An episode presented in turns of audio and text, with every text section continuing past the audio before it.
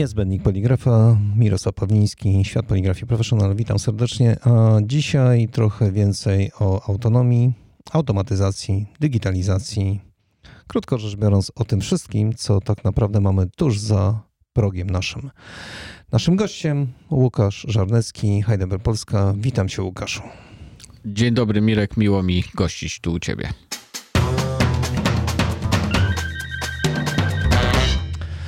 Drogi Łukaszu, powiedz mi, jak to jest e, w tej chwili z rozmową z klientem jakie jest to wyzwanie dla Was e, e, prowadzenie rozmów handlowych dzisiaj z klientem, który coś niecoś wie właśnie o wspomnianych tematach automatyzacji, digitalizacji, autonomii w poligrafii. Wiesz, wszyscy używają tych słów, ale z drugiej strony, jak Wy na to patrzycie? Tak, to jest bardzo ciekawy ciekawy temat, ciekawe zagadnienie i tu się pojawia bardzo dużo różnych nowych wątków, y, właśnie z tego względu, że się zmienia y, nasze otoczenie, y, zmienia się nasza branża, ale co chyba jest bardzo istotne, to jest to, że my jesteśmy również nie tylko w środku tej transformacji cyfrowej, ale również zmienia się mm, pokolenie osób w naszej branży, bo y, naprawdę zakładów poligraficznych, w których y, przejmuje już stery y, młodzi ludzie, czyli zazwyczaj to jest drugie pokolenie tych osób, które założyły te zakłady w latach 80. albo 90., no takich przypadków jest już bardzo dużo. Mm, I w tej chwili te rozmowy nasze no, muszą też podążać y, y, za zmianami w mentalności, w sposobie myślenia, mm, za być może innymi celami niż stawiali sobie rodzice założyciele, bo no oni te cele chyba osiągnęli w momencie, kiedy mają firmę całkiem fajnie prosperującą, którą przekazują swoim dzieciom. E, no a dzieci prawdopodobnie mają inny cel niż po prostu przekazać to swoim dzieciom. Ale wiesz, to jest dosyć fajne i interesujące, no bo e, zapraszają ciebie na spotkanie, ale e, zauważ, oni wcześniej sprawdzą, kto przyjeżdża, z czym przyjeżdża. Oni sobie przez internet tam popatrzą na te wszystkie produkty, na maszyny, na urządzenia. Od razu mają swoją opinię na ten temat, wiesz, masę wiedzy, informacji i tak naprawdę to jest chyba wyzwanie też dla was, co? Tak, to jest wyzwanie dla nas w poligrafii, to jest w ogóle wyzwanie dla właściwie mm, wszystkich dzisiaj na świecie, bo e, tak jak zechciałeś powiedzieć, e, przystępując do rozmowy, zazwyczaj po drugiej stronie czy po każdej stronie jest ktoś, kto już ma wiedzę na wiele tematów. Ja posługuję się takim przykładem, że w momencie, kiedy my wchodzimy do jakiegoś sklepu y, po to, żeby kupić, y, y, nie wiem, sobie na przykład sprzęt gospodarstwa domowego, to my zazwyczaj już dokładnie wiemy, co chcemy kupić i my tam wchodzimy po to, żeby dotknąć tego, zapytać żywego sprzedawcy o to, czego sami nie mogliśmy wyczytać w internecie e, i mm, no i zazwyczaj tak humorystycznie można powiedzieć, denerwujemy się w momencie, kiedy się okazuje, że sprzedawca wie mniej od nas, yy, prawda? Więc yy, tutaj jest trochę podobnie, to znaczy mamy do czynienia z młodymi ludźmi, którzy nas zaskakują tym, że mają już yy, wiedzę, wiedzę tak. większą niż myśmy się spodziewali. No i właśnie ta ostatnia sprawa to jest taka, że oni mają pewne oczekiwania, one, oni mają pewne aspiracje, plany, marzenia.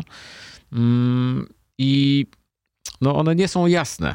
Ale wiesz co, to, to jest y, bardzo ciekawy temat, tylko zauważ jedną drobną rzecz. My ze strony redakcyjnej bywamy w drukarniach mniejszych i większych i tak naprawdę nie ma już znaczenia, czy jest to drukarnia większa, czy mniejsza.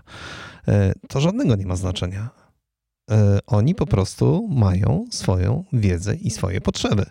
Oczywiście. Ja mogę powiedzieć, że mm, my w praktyce mamy do czynienia z, y, y, jeżeli już używamy kategorii większy, mniejszy, na przykład, y, nie wiem, w, w kategorii obrotu czy ilości zatrudnionych ludzi, sprzętu, który jest, to rzeczywiście z większymi, mniejszymi, ale muszę powiedzieć, że rzeczywiście potrzeby są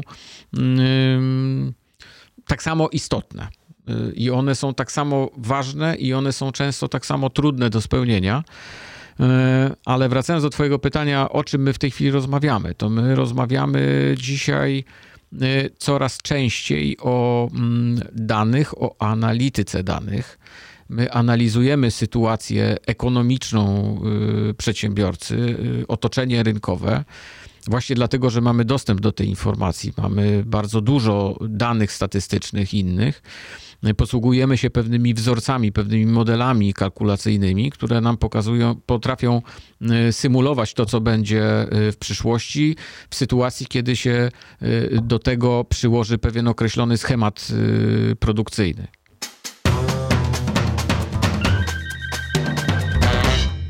No tak, ale jeszcze do niedawna, jak pamiętam, E, drukarnie nie posiadały czegoś takiego jak wiedzy o swoim biznesie. I to był częsty taki przypadek, gdzie mm, koszty były brane z powietrza. Najczęściej przyglądali się temu, co ma konkurencja, jakie ma ceny za poszczególne usługi, i takie ceny były oferowane swoim klientom.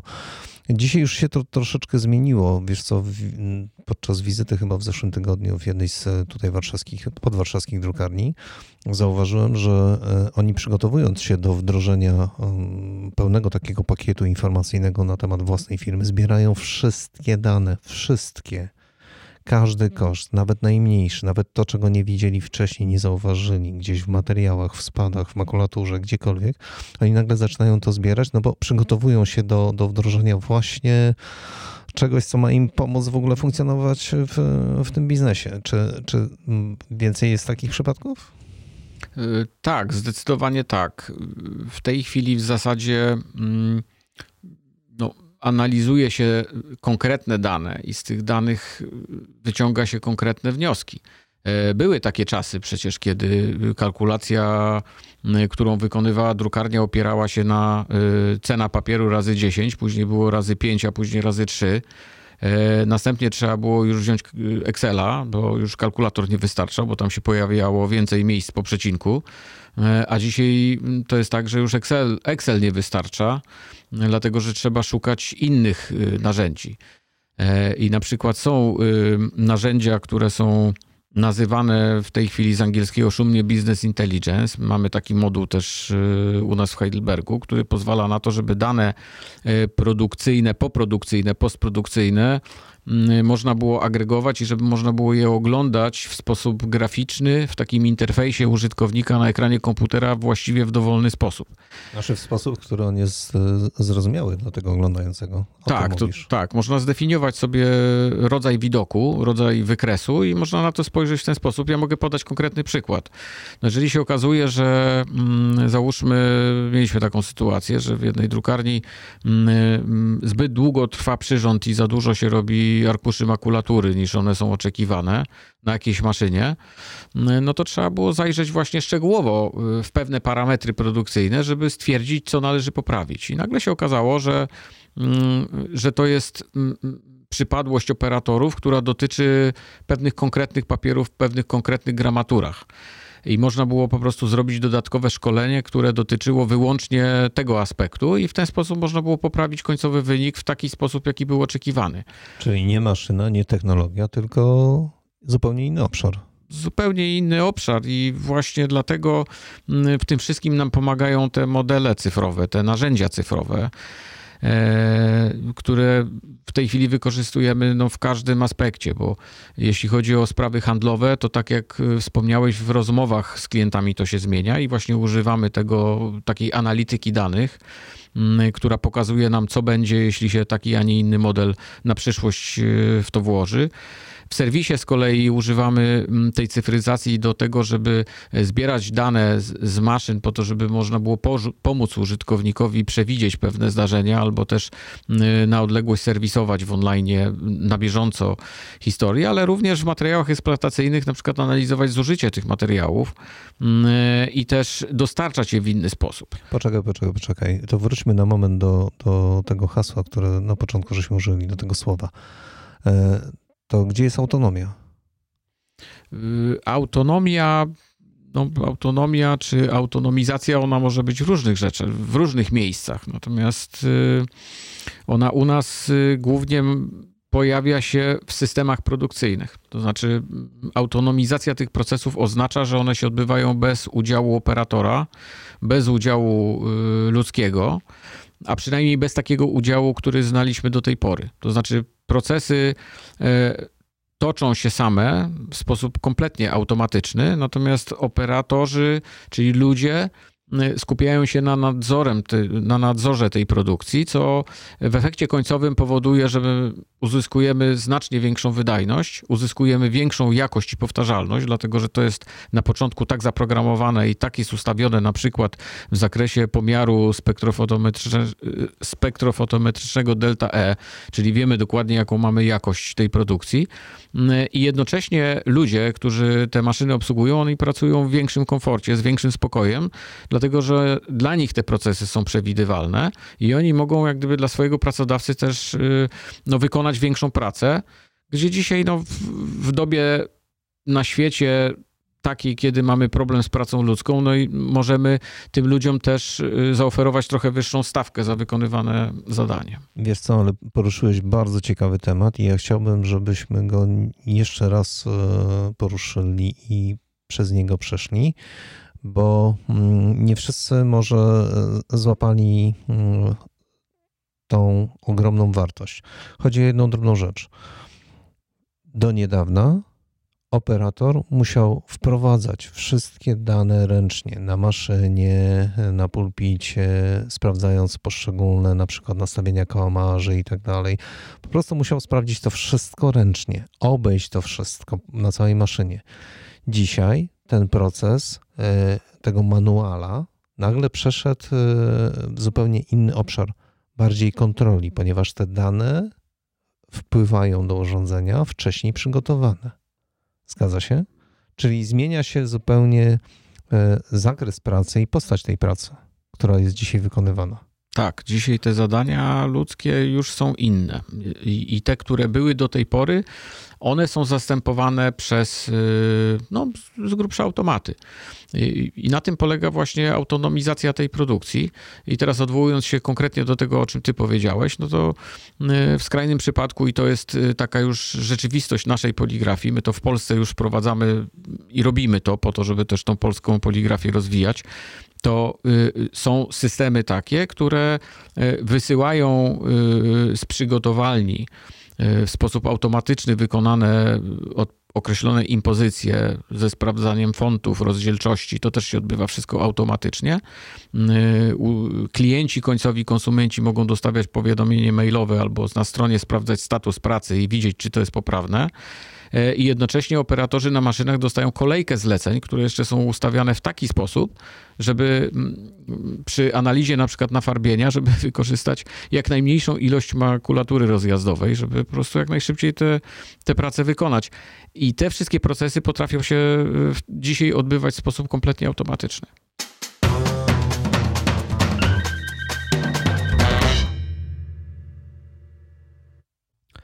Drogi Łukaszu, wszystko fajnie, ale w tym wszystkim jeszcze jest e, cyfryzacja, digitalizacja, przepływ danych e, w obszarze typu serwis.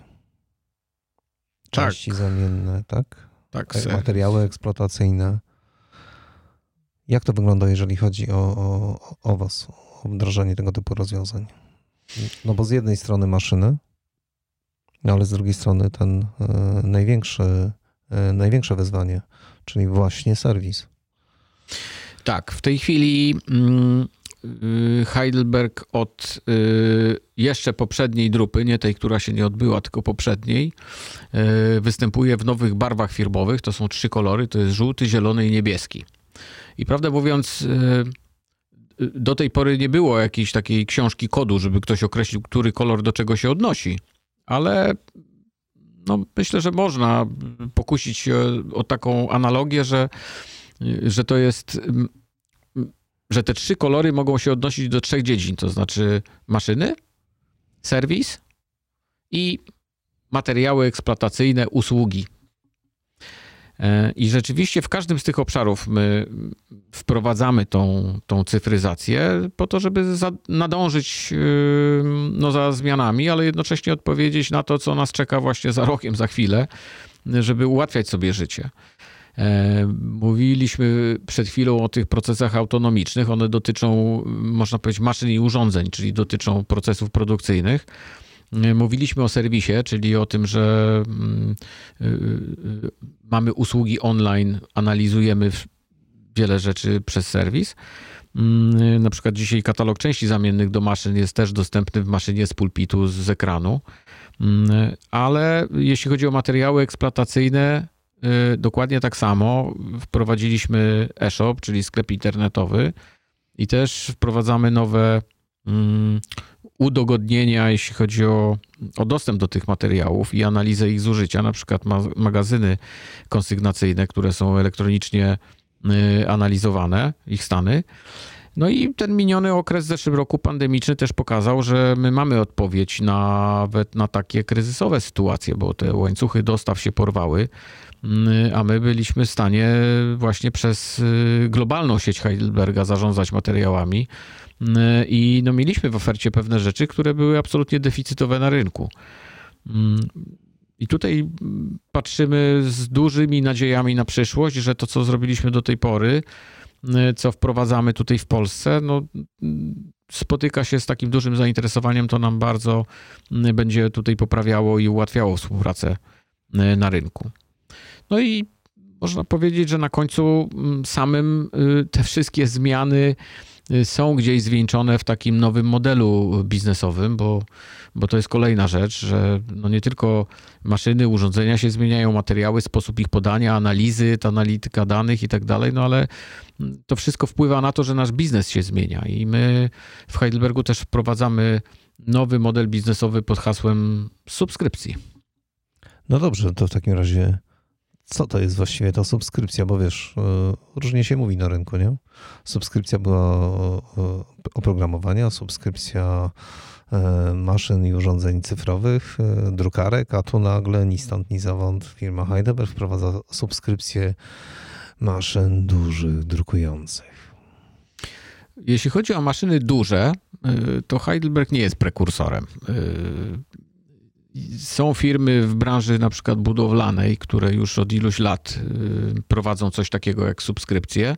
Można wyobrazić sobie, ja podam przykład, maszyny, które y, pracują w kamieniołomach, czyli w wykopanej dziurze gdzieś tam daleko pod ziemią tam są silniki elektryczne czy spalinowe, które je napędzają i teraz y, no, okazuje się, że tak naprawdę mm, temu, kto potrzebuje tam tą dziurę w ziemi wykopać, to nie chodzi o to, żeby mieć koparkę, tylko chodzi o wykopanie dziury. w związku z tym e, e, można to wykonać na różne sposoby, niekoniecznie kupując na własność jakąś jedną konkretną koparkę. Nie wiem, czy pamiętasz, ale kiedyś żeśmy rozmawiali o tym, że e, wystarczy pomysł na produkty poligraficzne, Później się pojawia, przepraszam, że użyję tej nazwy, McDonald, czyli dostawca, i on mi daje budynek w sensie wyposażony dokładnie w to, co chcę, po to, żebym dostał na końcu dokładnie to, co ja chcę. Czy y, do tego to wszystko zmierza? No, tak daleko nie idziemy, absolutnie. Z takim pomysłem, oprócz takich fantazji, no, poważnym pomysłem się nie zetknąłem. E, natomiast rzeczywiście subskrypcja w naszym wydaniu u nas jest czymś nowym, dlatego że ona dotyczy nagle no, tych, e, tych dużych heavy duty urządzeń ze stali, e, które ważą ileś tam ton i no jednak one wiążą się z inwestycją taką wysoko kapitałochłonną. Mm, I to jest coś nowego. Subskrypcja w poligrafii. Macie już instalacje pierwsze zrealizowane. Tak, mamy pierwsze doświadczenia. W skali świata takich umów jest, jest już dużo. W Polsce też mamy y, takie doświadczenia, które już y, nawet mają dłuższy okres czasu. Mamy kilka takich umów. No i te doświadczenia są bardzo obiecujące, bardzo takie budujące. Co, ja przypuszczam, że jednak ta subskrypcja jest na tyle interesująca i że to jest taki temat, w który możemy naprawdę zabrnąć e, zupełnie oddzielnie. Umówmy się na zupełnie inną rozmowę na ten temat, żeby, żeby go pociągnąć. Myślę, że tak, dlatego że no tego nie można tak potraktować przez chwilę, dlatego że to jest no głęboka sprawa, zwłaszcza, że dotyczy z punktu widzenia mentalnego po prostu innego podejścia. Także no, z wielką chęcią przyjmę ponowne zaproszenie. Naszym gościem Łukasz Żarnecki, firma Heidelberg Polska, a to był niezbędnik poligrafa. Ja nazywam się Mirosław Pawliński. Realizowane nagranie w studio 3 po 3. Do usłyszenia następnym razem.